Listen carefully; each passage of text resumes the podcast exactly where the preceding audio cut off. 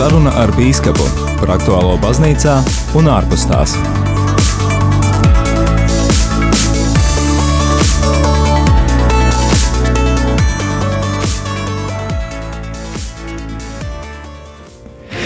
Radio Marija Latvija ēterā ir ikmēneša tikšanās ar kādu no Latvijas biskupiem, kurā pārunājam aktualitātes baznīcā. Un raidījumā arī klausītājiem ir iespēja uzdot savu jautājumu biskupam par aktuālo. Studijā šoreiz es Māris Veliks, bet attālināti kopā ar mums arī Liepājas diecēzes bīskaps un Latvijas bīskapu konferences priekšsēdētājs bīskaps Viktors Stulpins. Kristus ir augšām cēlies, Patiesi augšām cēlies. Prieks atkal būt kopā ar Radio Mariju, jo tā sanāk, ka es pēc, ik pēc pāris dienām jau esmu radio studijā. Mums vienmēr prieks jūs, ekscelence, dzirdēt, bet eh, pirms mēs dodam vārdu klausītājiem, tā lielā tēma, kurai mēs vēlētos pieskarties šajā raidījumā, ir nepilngadīgo un neaizsargāto personu aizsardzība. Un tiem radio klausītājiem, kas seko līdzi arī aktualitātēm ēterā, tad šai tēmai pagājušajā Piektdienā tika veltīts arī īpašs simpozijas, ko rīkoja Rīgas augstākais reliģijas zinātņu institūts un Rīgas teoloģijas institūts. Un tad no par šo tēmu runājot, ekscelence, pirmais jautājums. Man šķiet, ka daudzi no mums, mēs ilgu laiku šeit Latvijā bijām dzīvojuši kā tādā burbulī, domājot, ka bērnu seksuālās izmantošanas skandāli ir kaut kas tik tāls, notikuši kaut kur citur pasaulē, ASV, Īrijā. Bet nu, mūsu Latvijā šī tēma noteikti nekādi nevar skart. Tāpēc jautājums, kāpēc šī tēma ir jāaktualizē arī šeit pie mums Latvijā? Nu, gluži es māri negribētu piekrist. Labi.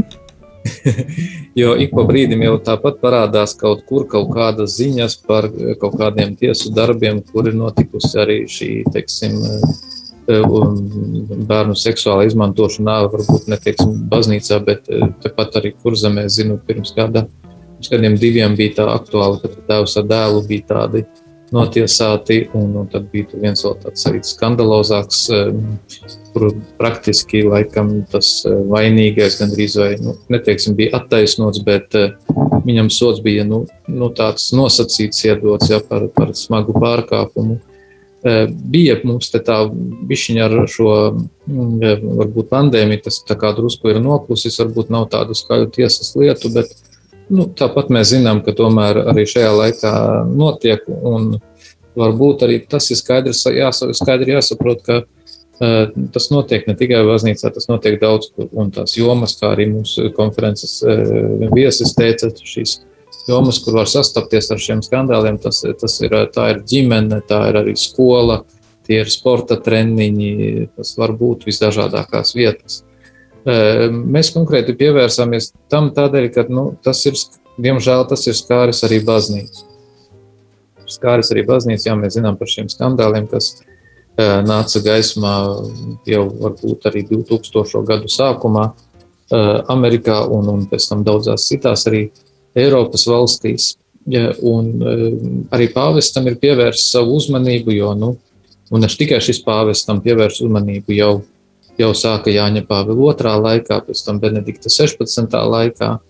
Uh, un šis pāvests uh, ir arī tādā veidā nu, vienkārši mēģinājis uh, dot savu ieguldījumu, lai šī, šis, šī problēma tiktu aizvien vairāk un vairāk risināta, lai aizvien vairāk un vairāk baznīcas izveidotos par tādu drošu vidi. Un ir vairāki dokumenti, kas ir iznākuši uh, šī pāvesta laikā, kur, kuri tiek kur mudina tātad pirmkārt jau izmeklēt šīs lietas, bet pāri visam veikt arī to preventīvo darbu, lai, lai, līdz, lai līdz tādiem noziegumiem nenonāktu baznīca.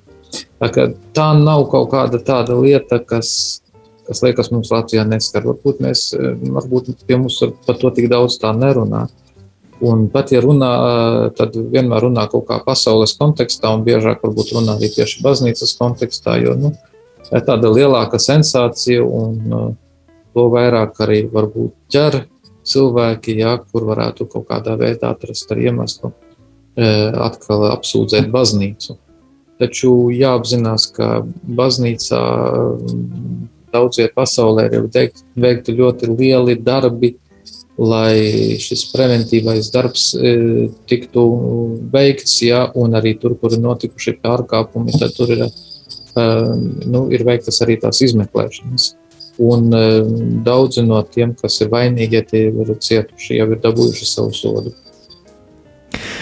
Jā, ekscelence, šī tēma par seksuālās izmantošanas skandāliem baznīcā tādu plašāku publicitāti sāka iegūt eh, vairāk jau 2000. gadu sākumā, un atceramies 2002. gadu, kad plaši izskanēja gadījumi ASV, un eh, gribētos arī uzzināt vairāk, kā baznīca uz to reaģēja un kādus pasākumus baznīca kopš tā laika ir veikusi, lai nepieļautu līdzīgu gadījumu atkārtošanos?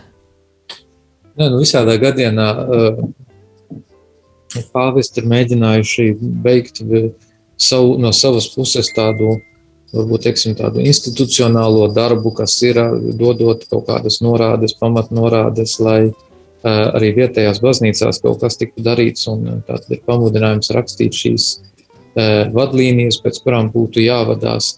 Tāpat ir veikti daudzās vietās arī tādi nu, priesteriem audzinoši darbi, kā teiksim, pasargāt no, no, tādiem, no tādām apsūdzībām, jo nu, nemazums ir arī tādu viltus apsūdzību. Nav, nav tā, ka viss ir tikai um, no tādas īstas apsūdzības, ja, kur ir bieži vien arī gadījumi bijuši. Es pats esmu lasījis arī par vairākiem gadījumiem, kur ir attaisnoti un kur ir Eh, kur diemžēl arī nonācis līdz tam, ka tādu netaisnīgu apsūdzību dēļ, burtiski pirms pāris gadiem eh, Francijā, ja nemaldos, jā, tas bija Francijā, divi priesteri pat, nu, nu diemžēl izvēlējās tādu, nu, varbūt eh, ceļu, kas, kas parāda, ka nevien, ne, ne katrs var izturēt arī tādu spriedzi, ka tevi netaisnīgi apvainoja un ka viņi izdarīja pašnāvības. Jā, beig, beigās um, um, Francijas žandarmēri atzina, ka tomēr abi šiem, abiem diviem šiem gadījumiem nav bijusi pamata, apsūdzībām nav, bijusi, nav bijis pamata. Tā Bet tie darbi ir, tiek veikti uh, vairāk uh, tieši vietējās baznīcās, uh, domājot un, par to vietējo vidi, kurā tie bērni tie aug un, un, un kurā veidojās arī priesteri un priesteru sagatavošanā tas tiek veikts. Eh, lai, lai tādā veidā nu, pasargātu gan vienu, gan otru pusi. Jā, vai arī Latvijā ir šobrīd noformulēta kāda īpaša standarta procedūra, kā rīkoties gadījumā, ja ir aizdomas par noziedzīgu rīcību, par, par izmantošanu, nu, kādas vadlīnijas?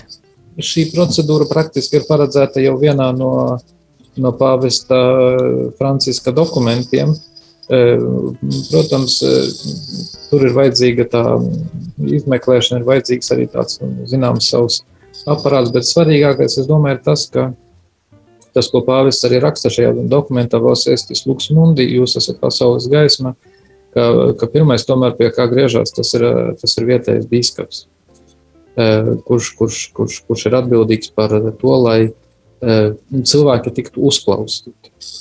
Jā, ļoti liels uzsvars tiek likts uz to, lai cilvēki nebūtu noraidīti, netiktu noraidīti, e, lai viņi netiktu nostumti malā, lai netiktu kaut kādā veidā meklēti veidi, kā, kā kaut ko noklusināt. Un, un ka Vīskaus ir pirmais, kurš ir atbildīgs par, par šīm lietām. Bet, Vosestis Luks Mundi dod jau tādas norādes, kuras tālāk jau vietējās biskupu konferencēs ir jāizstrādā, kā rīkoties šajos gadījumos. Jā, tātad biskups ir tā pirmā persona, kurai var ziņot, un, un kas notiek tālāk? Es, es to jautāju kā tāds nezinātājs, kurš par šo jomu zina ļoti maz, un, un man interesē, vai tad tiek uzsākts kaut kāds iekšējais process baznīcā, vai arī tiek iesaistītas arī kādas laicīgās protams, institūcijas, policija? Protams, protams, vispirms ir jābūt šim vietējam procesam baznīcā, kas Jā. ir Bet uh, ir jābūt arī sadarbībai ar, ar, ar valsts varas pārstāvjiem, kas, kas risina šīs, jautājumus. Jā, bet, uh, protams, vispirms vajadzētu izmeklēt, vai, tas, vai šis gadījums vispār tiešām ir kvalificējams kā, kā pārkāpums, jā, kā, kā, kā tieši, tiešām tas nodarījums, kurā tiek apsūdzēts. Jo, kā jau minēju, ir jābūt ļoti uzmanīgiem, jo nu, ir gadījumi arī, kad, kad tiešām izmanto, nu, nu, diemžēl izmanto arī ļoti negodīgi šīs, šīs apsūdzības.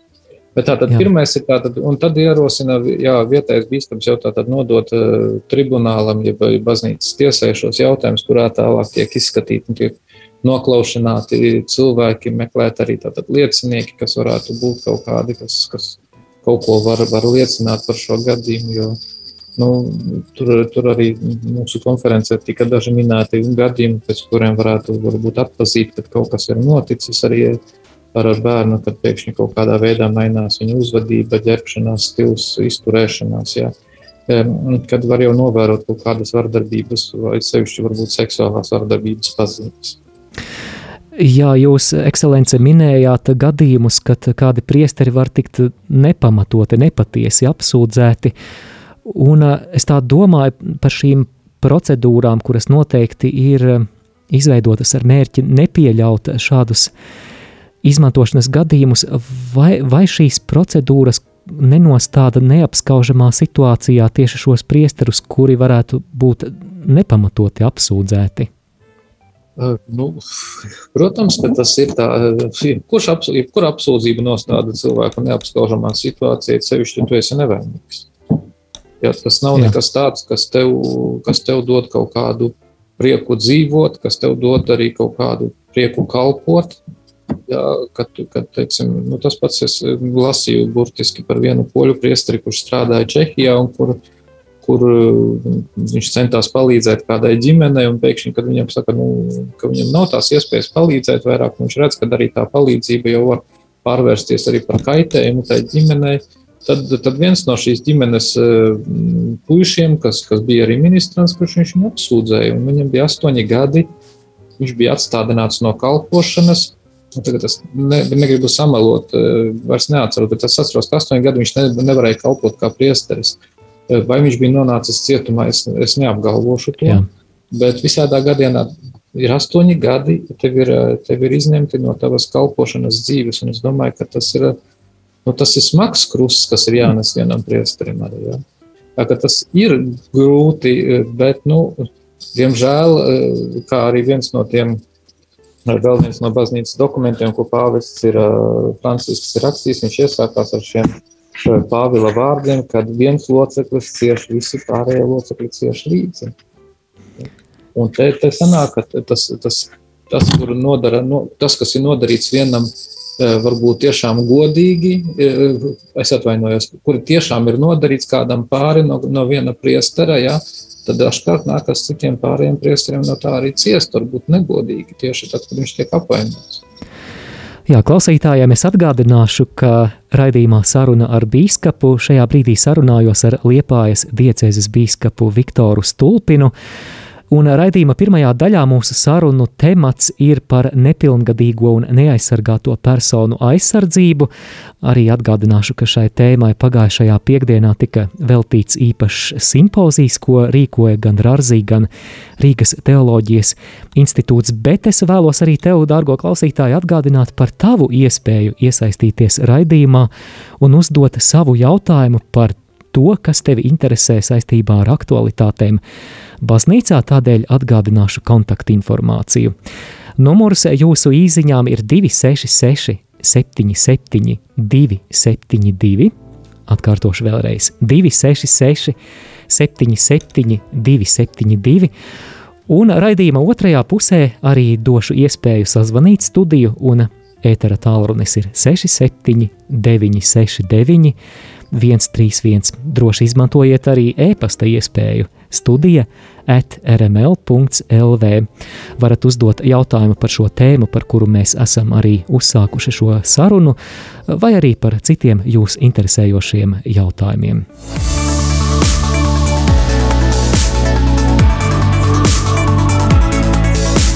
Saruna ar bīskapu par aktuālo baznīcā un ārpus tās.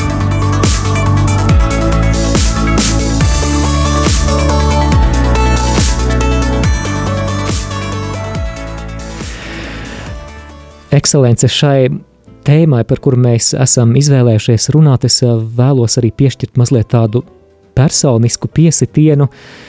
Jūs esat ordinēts vēl 90. gadu vidū, laikā, kad šie seksuālās izmantošanas gadījumi nebija ieguvuši tik lielu rezonanci kā vēlāk. Un varbūt jūs varētu dalīties savā pieredzē, kas mainījās jūsu kā priestera ikdienā un pastorālajā kalpošanā pēc tam, vai varbūt piedzīvojāt lielāku neusticēšanos no cilvēkiem, vai varbūt ir kādi aspekti? Nu, ja tā godīgi teikt, paldies Dievam, es kaut kādā veidā laikam no tā esmu pasargāts, bet ir nācies runāt arī ar ar maniem kādiem kursa biedriem, priesteriem, kas kalpo dažādās draudzēs, kuri, kuri ir teikuši, jā, kad, ka tiklīdz kaut kur ka televīzijā nonāk kaut kāda atkal ziņa par to, ka ir kāds skandāls kaut kur noticis Amerikā, Vācijā, vēl kaut kur, ka dažkārt pazūd uz kādām nedēļām ministranti, vairs nenāk vairs piekalpot. Tā, tas kaut kādā veidā atsaucās. Nu, nevaram mēs teikt tā. Un es domāju, ka mēs visi īstenībā zināmā mērā piedzīvojam, ka tā Tas ir viens vien no tiem iemesliem, arī kādēļ arī, nu, teiksim, arī to aicinājumu kļūst mazāk. Jo nu, es domāju, ka daudz jaunieši domā, ka nu, nu, es negribu tādā, varbūt arī teiksim, būt sabiedrībā, ja priesteru sabiedrībā, kur, kur, kur tu vari nu, tikt apsūdzēts arī pat, ja tu neesi, neesi neko sliktu izdarījis. Ja.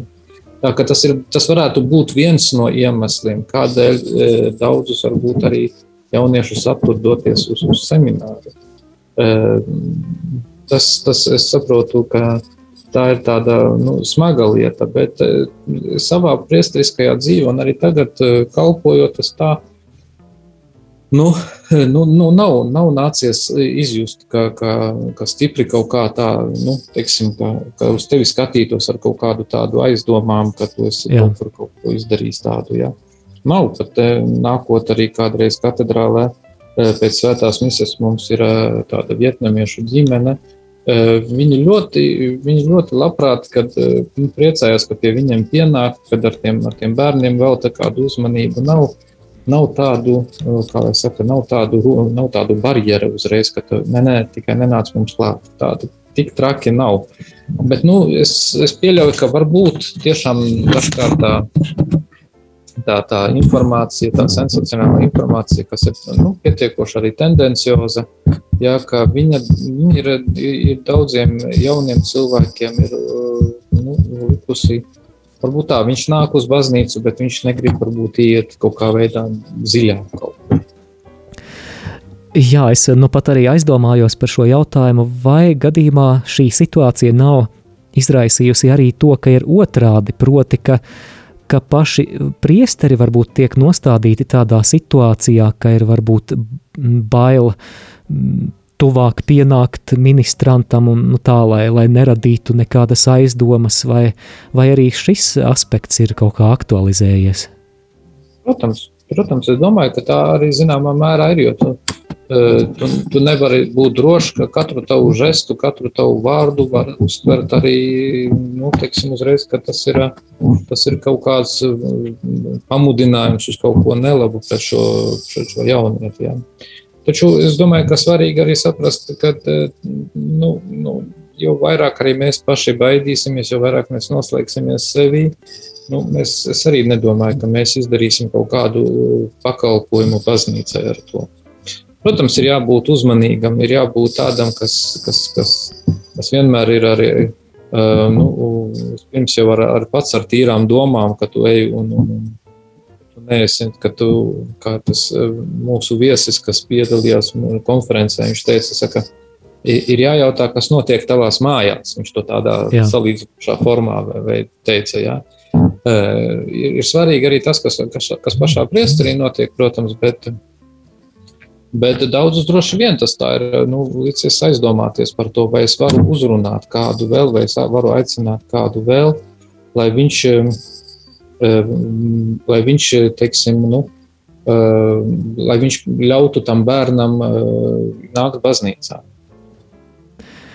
Vēl domājot par šo nepilngadīgo un neaizsargāto personu aizsardzību, man nāk prātā arī tas, ka esmu novērojis, ka baznīcai nereti tiek pārmesta tāda iekšējās piesekšanas kultūra, kad glābjot baznīcas reputāciju, izvēlas to pro problēmu risināt nu, tā pa kluso, pārcelt kādu priesteri kaut kur tālāk, un mēs zinām, ka šis bēdīgi slavenais, nu jau bijušā kardināla Makarika gadījums ASV ir tāds piemērs tam, kā par cilvēku, kurš sistemātiski ir izmantojis citus, tā skaitā semināristus, it kā pat runāja un nojauta, bet eh, viņš tomēr ir pamanījies uzkāpt, bija pamanījies uzkāpt augstu pa baznīcas karjeras kāpnēm, iecelts kardināla kārtā.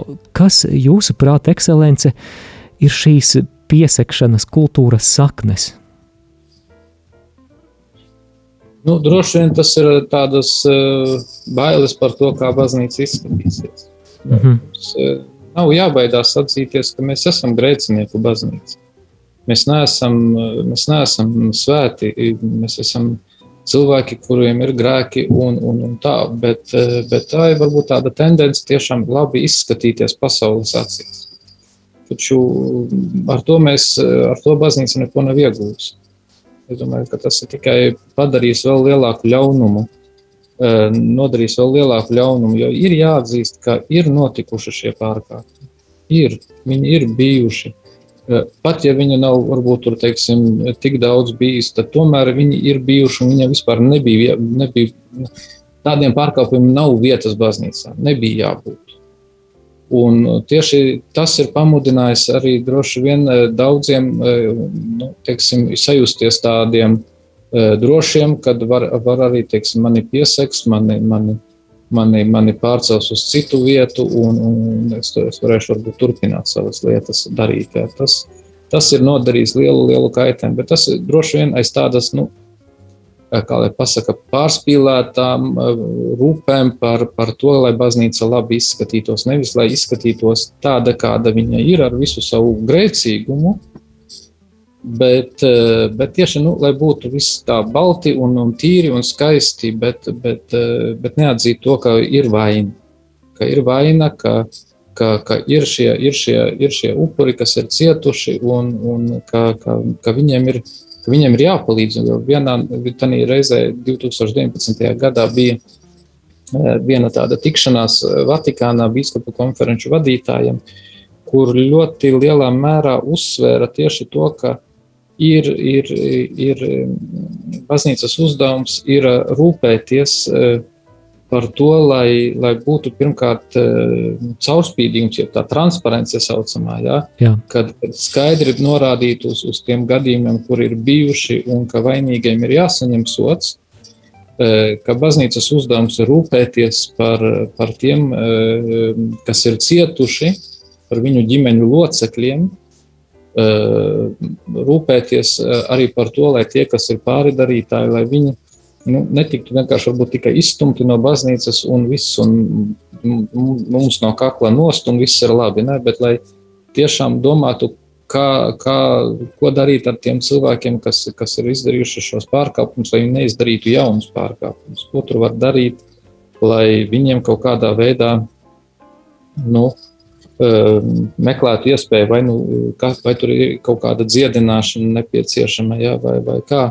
Jo nu, nu, nenoliedzami tas, tas ir tāds smags, smags, smags pārbaudījums priekš baznīcas, kur, kuram, kuram jāiet cauri, bet kas, es domāju, ka tas daudz ko baznīca attīrīs.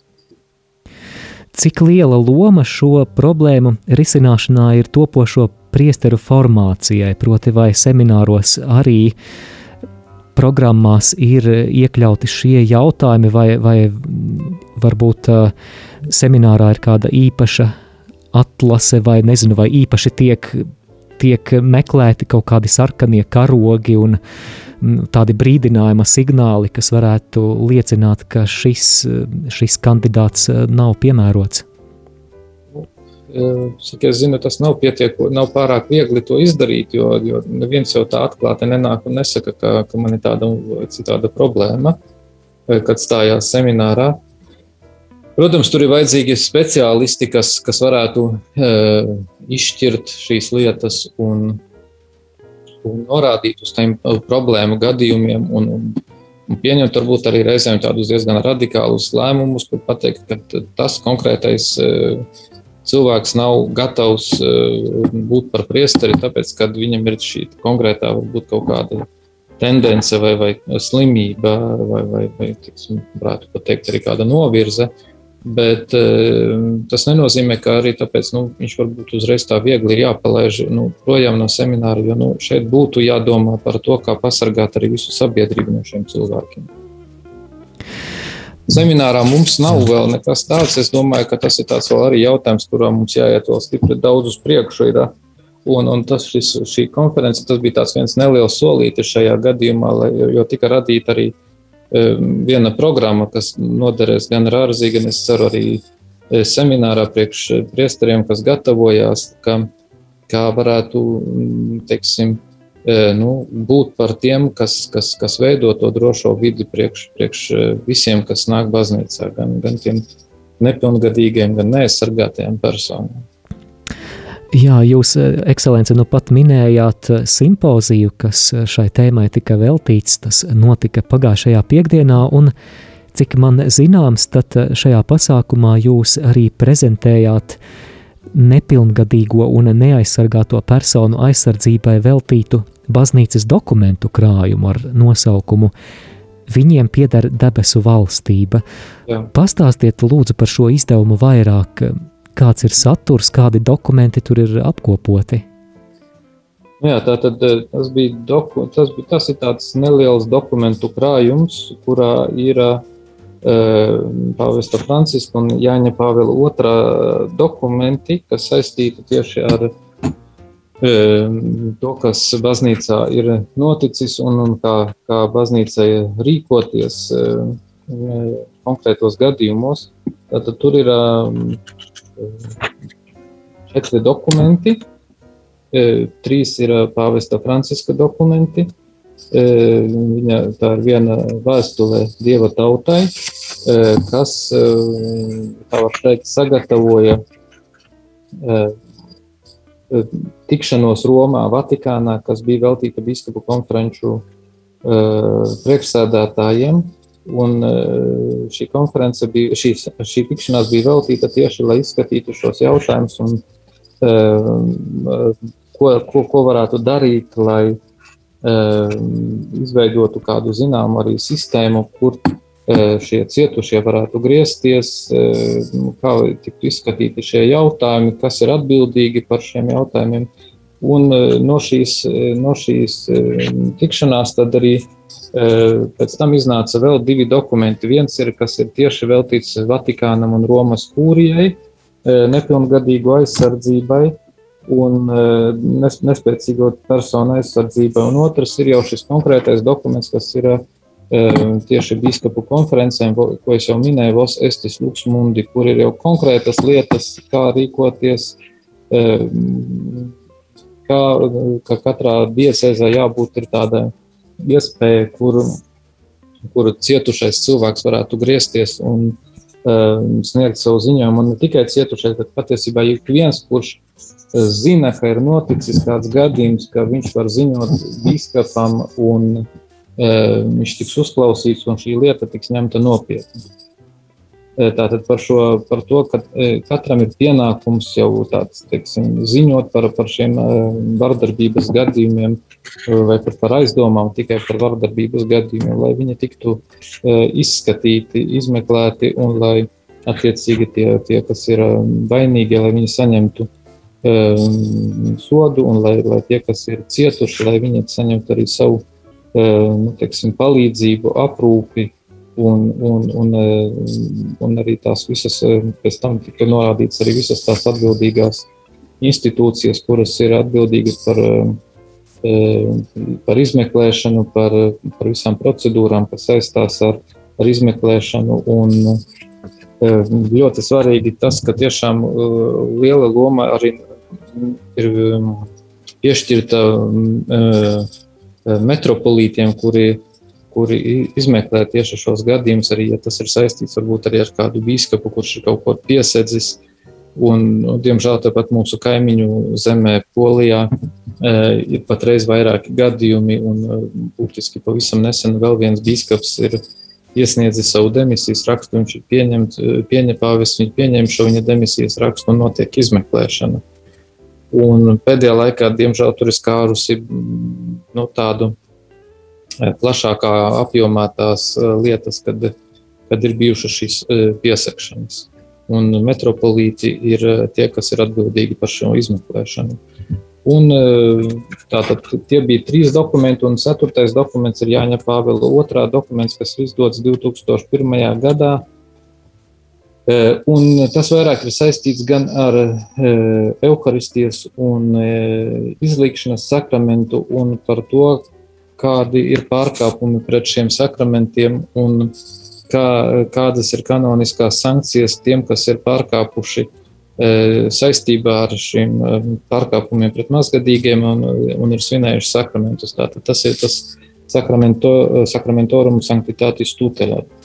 Tāds īsts dokuments, bet viņš arī vēl 2010. gadā tika e, papildināts ticības mācības kongregācija, papildināja šo, šo, šo dokumentu ar dažām jaunām normām, kas, nu, teiksim tā, vainīgo, vainīgo ja tā varētu teikt, dzīvi padarīja daudz grūtāku, jo, to, teiksim, arī tas noilgums tika eh, paildz, palielināts no 10 gadiem uz 20 gadiem pēc tam, kad cietušais ir sasniedzis 18 gadu vecumu. Un, šķiet, ka jau Pāvils Francisks ir pateicis, ka noilguma vispār nav šiem grēkiem. Tātad šiem pārkāpumiem nav noilguma, ka viņi ir pelnījuši sodu. Un, nu, pat, nu pat pāvests Francisks arī ir diezgan tā asi izteicies um, par to, ka, eh, kas saistās ar šiem pārkāpumiem, ka um, viņš teica, es,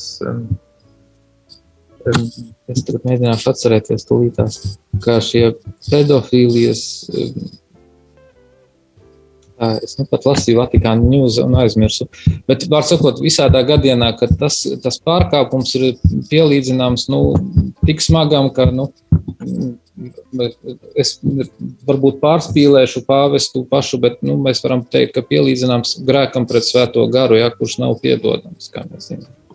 Ja, tādā, tādā rangā pāvests grib, lai, lai mēs saprastu, ka, ka šie pārkāpumi, ka cietēji, ka viņiem ir nodarīts tik liels eh, pāridarījums, jo tā ir trauma cilvēkam, gan, gan fiziska, gan uh, psiholoģiska, gan garīga trauma. Jā, tas nav, nav nekas tāds, par ko mēs varētu pateikt. Nu, ka, nu, nu, var aiziet pie grēksūdas, izsūdzēt, un viss būs kārtībā.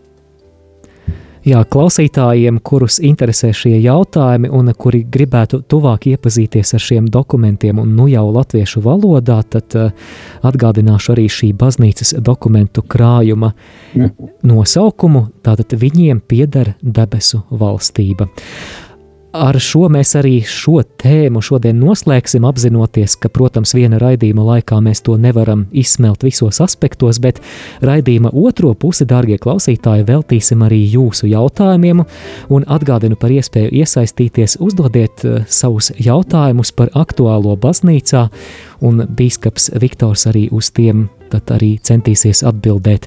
Savus jautājumus varat sūtīt īsiņas veidā. Numurs īsiņām ir 266, 77, 272, vēlreiz 266, 77, 272. Un šajā brīdī arī dodu iespēju studiju sazvanīt. Droši varat savu jautājumu arī izteikt ēterā. Varbūt arī kāds komentārs no jūsu puses.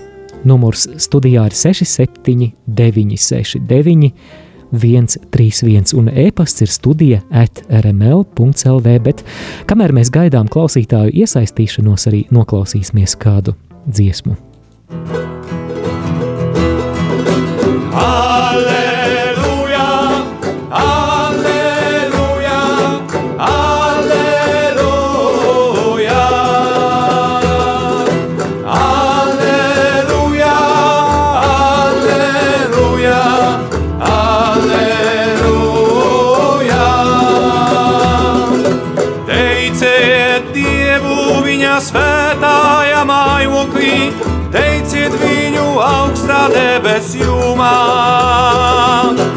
Teiciet viņu par viņa lielajiem darbiem, teiciet viņa augstumā iestātī. Aleluja,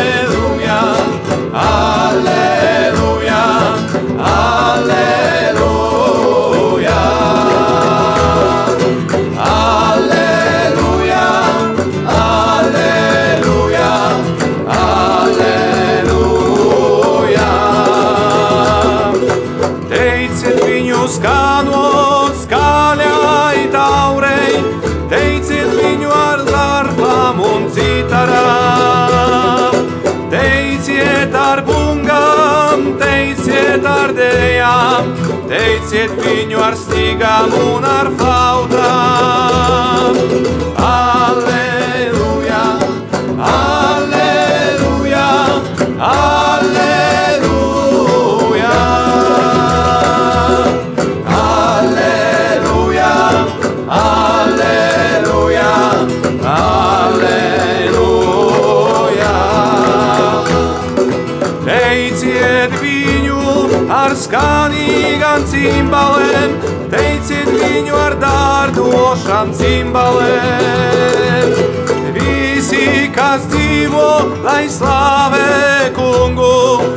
Slavējiet un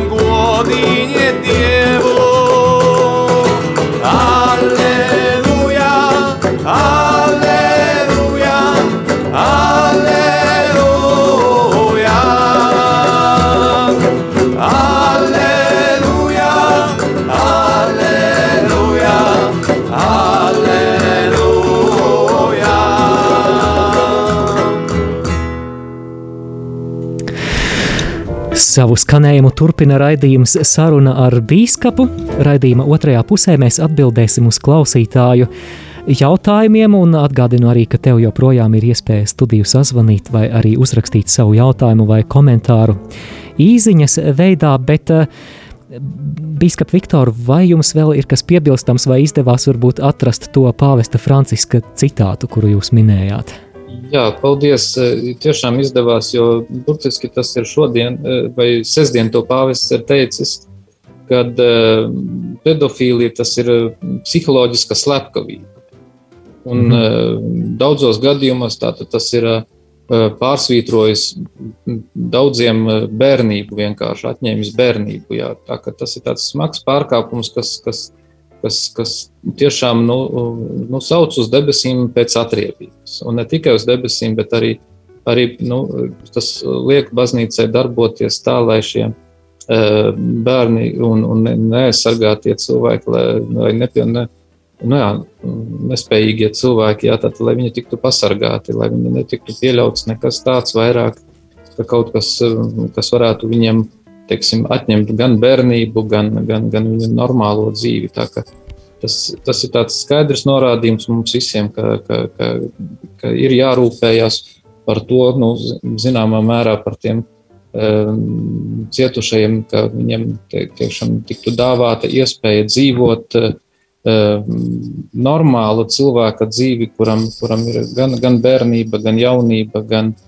gan pat ja viņš ir nespējīgs, ka, ka, ka viņš tiek uztverts arī kā tāds cilvēks, pilnvērtīgs cilvēks, kuram ir, ir viņa tiesības uz, uz, uz dzīvi, uz uh, normālu dzīvi. Pilnvērtīgu Jā. dzīvi, tā pareizāk teiksim. Paldies!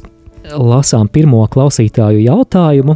Jautājums varētu būt aktuāls vegetāriešiem, vegāniem un svaigēdājiem. Tātad uh, jautājums noformulēts šādi īziņas veidā.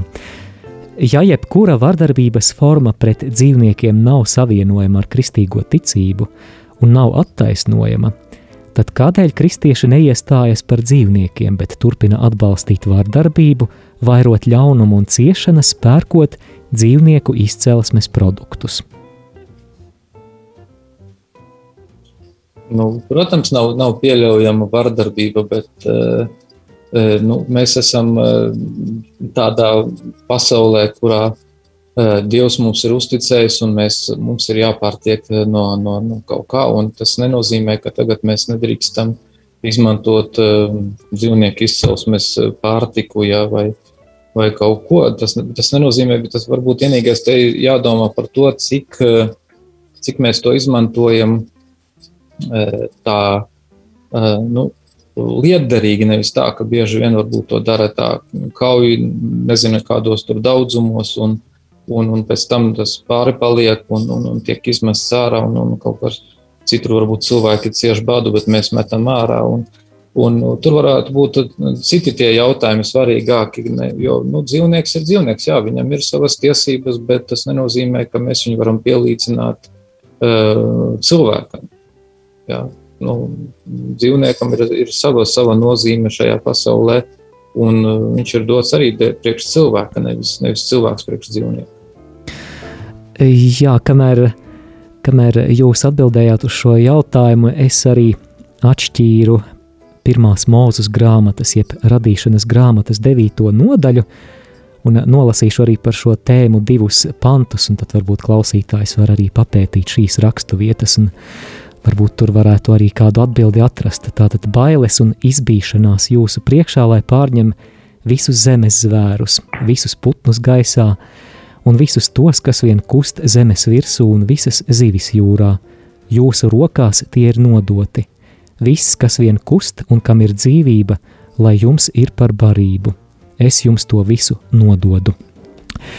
Nākamais jautājums saistīts ar kādiem ļoti skaistiem, priecīgiem svētkiem, kas jau pavisam drīz, proti, runa ir par svētā gara nosūtīšanas svētkiem, vasaras svētkiem, kad mēs pārdomājam svētā gara nonākšanu pār dzimstošo baznīcu, pār apstuļiem un Mariju, un tāds īpašs svētā gara saņemšanas un izliešanās sakraments ir iestiprināšanas sakraments, un Es atceros, kad eh, mani bērnībā iestiprināja biskups. Godīgi sakot, man īsti nebija ne jausmas, kas šeit notiek. Un tāpēc es vēlējos jums, ekscelence, jautāt, kā labāk sagatavoties iestiprināšanas sakramentam, un vai vispār vajag gatavoties, un vai baznīca arī domā par kādu īpašu formāciju pirms šī sakramenta saņemšanas nu, jau savā laikā Rārzi ir izstrādājis iestiprināšanas sakramentam sagatavošanās programmu, kura, kura ir nosūtīta uz, uz diecēzēm. Eh, protams, eh, vienmēr tas jautājums, cik to var ātri visu realizēt, jo nu, mēs zinām, eh, ka, ka, ka tā sagatavošanās, sevišķi arī mūsu patreizējos apstākļos, ir tāda, kāda viņa ir. Viņa ir diezgan ierobežota, varbūt vairāk tas var notikt tā individuāli. Uh, Protams, tas būtu labi, ja notiktu šī sagatavošanās, taču mēs vēl dažkārt sastopamies ar tādām zināmām grūtībām, kad, kad ir pēc veca ieraduma cilvēki meklē, zina, nāk vasaras svētki, tad būs iestiprināšana, un nu, tad pēdējā brīdī kaut kā piesakās. Varbūt darētu arī tā, ka pamudināt tos cilvēkus pieteikties agrāk, nu, un, un tas, ka Nu, i, i, Vitani programmā ir paredzēts, ka tā ir no 14 gadiem. Jo nu, tam, tas ir tāds kristīgās iniciācijas sakraments, kuru nāktos saņemt varbūt tādā uh, daudz apzinātākā vecumā. Jau kaut gan nu, 14 gadi tas arī ir tāds vecums, kad daudziem jauniešiem galvā vēl ir varbūt citas intereses, un ja viņam liks atkal nākt uz baznīcu un gatavoties kaut kam, varbūt būs diezgan grūti viņus piedabūt pie tā. Bet nu, es domāju, ka tas, ka būs grūti, tas nenozīmē, ka nu, nav jādara. Tāpēc jā, jāmēģina. Ir, nu, tas nav, nav patiesi, ka tikai 14 gados tas var būt arī, arī, varbūt arī lielākā vecumā. Protams, ir, ir, viet, ir, ir vēl tā, varbūt arī tāda Es domāju, tāda uh, tradīcija, kas ir pie pareizticīgiem, kad jā, viņi saņem to iestiprināšanu tūlītās pat pie kristībām. Jā. Uh, un viņiem nav tā, un tas varbūt arī būtu tāds viens vēl vieglāks ceļš, ja atnāk cilvēki, atnāk, atnes bērnu uz kristībām, viņi turpat arī iestiprina uzreiz, un viss ir kārtībā. Protams, pie pieaugušiem šo iestiprināšanu var saņemt arī kristību dienā, un, un tad jau cilvēks uz to ir gatavojies. Viņš jau ir kaut kādā veidā uh, saņēmis savu katehēzi, savu formāciju, un viņš var to saņemt. Bet es domāju, lielākais jautājums tiešām ir par šiem pusauģiem, kas ir izgājuši varbūt svētdienas skolu, kas ir sagatavojušies pirmajai komunijai. Kā viņus sagatavot, lai viņi to sakramentu saņemtu jau nu, apzinīgāk, saprastu vairāk, ka, kas šajā sakramentā notiek, ka viņiem tiek dāvāta šīs svētā gara dāvanas, kuras ir tik būtiskas, lai lai, lai, lai varētu pilnvērtīgi dzīvot savu kristīgo dzīvi. Tas ir tāds, es domāju, tas ir tāds liels um, arī mūsu baznīcas izaicinājums, kā, kā to vēl uh, realizēt uh, praktiski dzīvē. Jo programmas radīt jau var viegli, bet vienmēr ir jautājums arī ar to realizāciju dzīvē esam saņēmuši jautājumu. Man gan šķiet, ka uz šo jautājumu lielā mērā ir atbildēts jau raidījuma pirmajā daļā, bet es nezinu, varbūt jums, mhm. ekscelence, kaut kas piebilstams. Mm, jā, un principā šķiet, ka tā atbilde varētu būt pilnīgi pašsaprotama, bet vai garīgā, emocionālā un psiholoģiskā vardarbība ir pieļaujama no priestera? Nu, par to jau arī tieši runa, ka tas to ne, nevar pieļaut. Nākamais eh, jautājums īsiņas veidā. Paldies par raidījumu! Kādēļ ir novērota tendence, ka kurzemes diecēzē samazinās priesteru skaits, piemēram, priesteris Marijus Kempa, kurš kalpoja aizputes, un šobrīd to dara Rīgas diecēzē, tāpat arī priesteris Toms Priedoliņš darbojas Rīgā. Kādēļ šie minētie priesteri ir pārtraukuši savu darbību kurzemes diecēzē, kāds anonīms klausītājs jautā? Nu, it kā nesaistīts ar mūsu raidījumu, bet nu labi. Uh, Priesteris Marijus Kempa nu, bija savu laiku pavadīja gadu, pavadīja Polijā savā dzimtajā diecēzē, jo nu, tur bija tāda nepieciešamība pēc tā, ka cilvēks jau nu, nu, varbūt tā reizēm ir grūti to pašam pamanīt, bet eh, jūs tādas zināmas izdegšanas robežas. Un atgriežoties, tad viņš atgriezās Rīgā, kur viņam tika piedāvāts arī darboties un kalpot Betlēmas mājā, Betlēmas žāsardības mājā. Eh, priesteris Toms Priedoliņš, eh, viņš pabeidza savas studijas Romā, un pat cik viņš studēja garīgumu, tad viņš attiecīgi kalpo patreiz seminārā kā garīgais tēvs, un es domāju, ka tā ir tā kalpošana, kas ir pietiekoši loģiska pēc, pēc garīgās teoloģijas studijām. Jā. Paldies, ekscelence! Dosimies mūzikas pauzē, un šī ir arī pēdējā iespēja klausītājiem iesaistīties, ja jautājumu nebūs, tad ar bīskapa svētību raidījumu noslēgsim pēc dziesmas, bet, ja, dārgo klausītāji, gribi vēl pacepināt bīskapu un negribi laist tik, tik ātri prom no ētera, tad droši raksti īziņas uz numuru 266 77 272 vai arī zvanis šoreiz raidījumā vēl neviens nav piezvanījis. Numurs ir 67 969 131 e-pasts savukārt ir studija at rml.lv.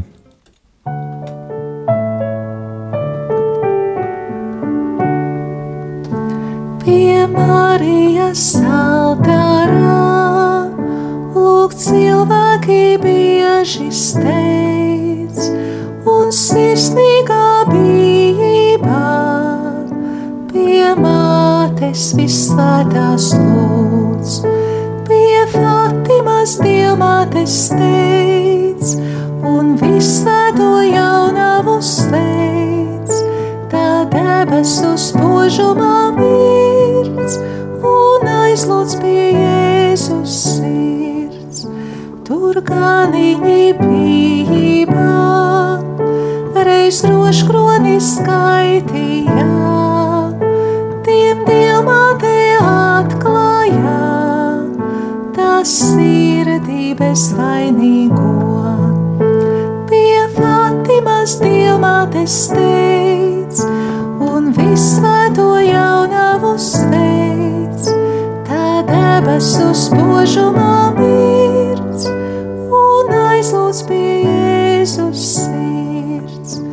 tur cilvēki tālumā dzird vēsti šo savādo, tie aizsteidzas Fatimā, redz gaismu šo brīnišķo.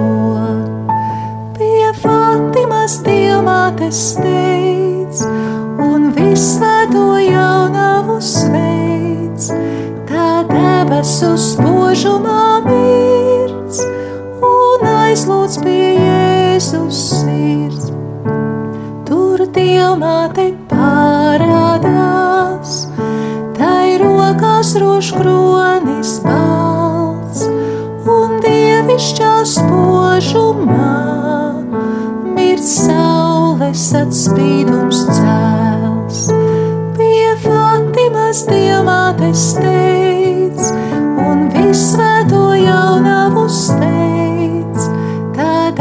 debesu spožumā mirts, un aizlūdz pie Jēzus sirds.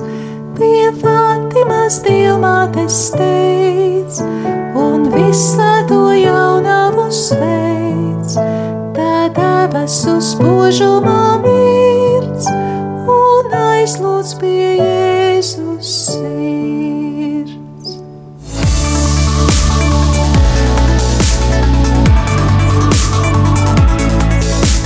Saruna ar Bīskapu par aktuālo baznīcā un ārpus tās.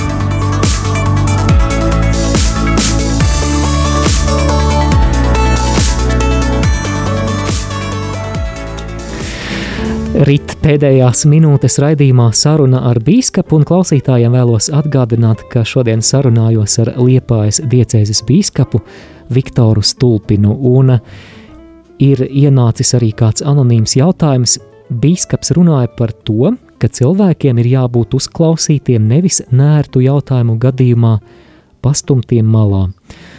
Un tad seko klausītāja jautājums, vai tas attiecas uz jebkuru jautājumu, vai tikai uz tiem jautājumiem, kas saistīti ar bērnu aizsardzību, un kāda ir oficiālā forma, kā vērsties pie bīskapa.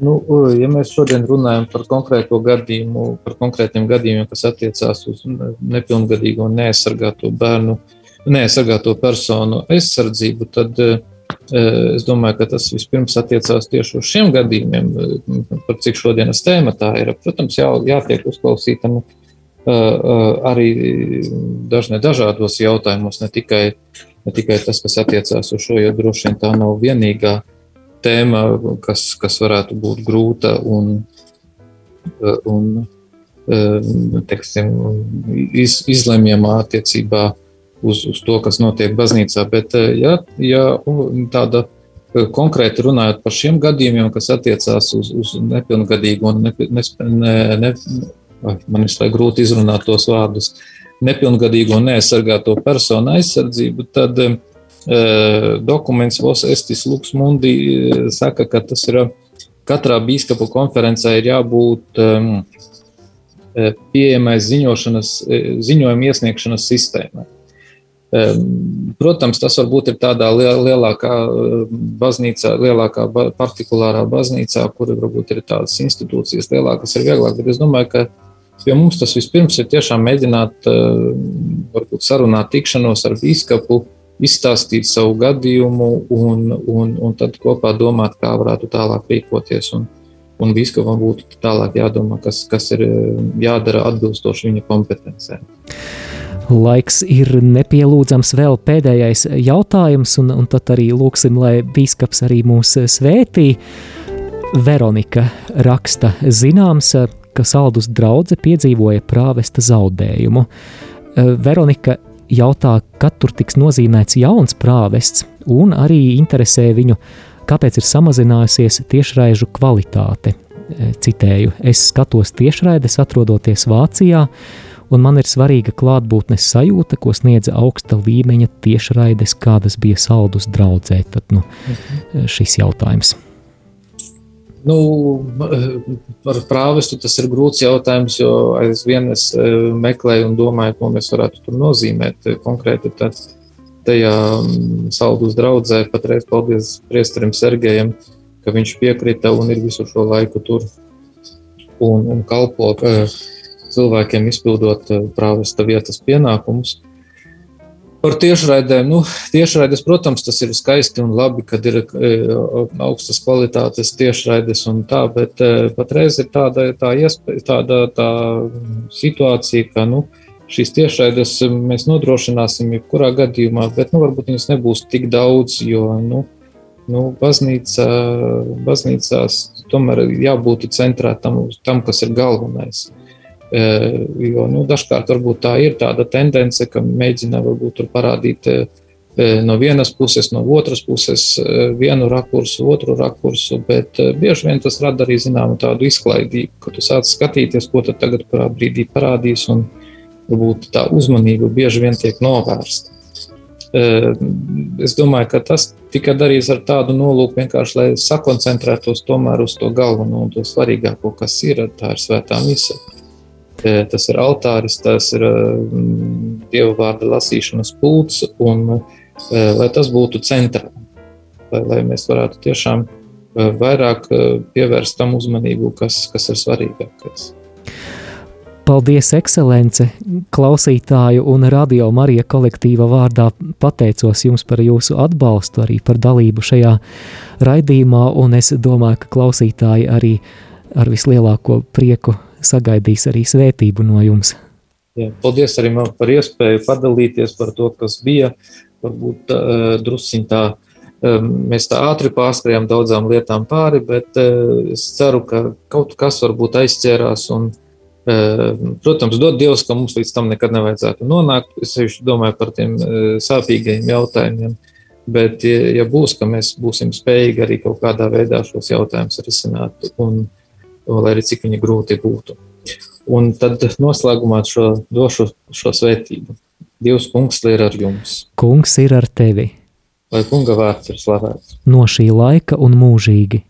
Mūsu palīdzība ir Kunga vārdā, kas ir radījis debesis un zemi. Lai svētī jūs visus visvarenais Dievs Tēvs un Dēls un Svētais Gars. Āmen. Lai tad visas Dieva žēlastība pavada. Paldies! Šajā raidījumā sarunājos ar Liepājas diecēzes bīskapu Viktoru Stulpinu un šeit studijā pie mikrofona biju es Māris Veliks. Izskanēja raidījums Saruna ar bīskapu par aktuālo baznīcā un ārpus tās.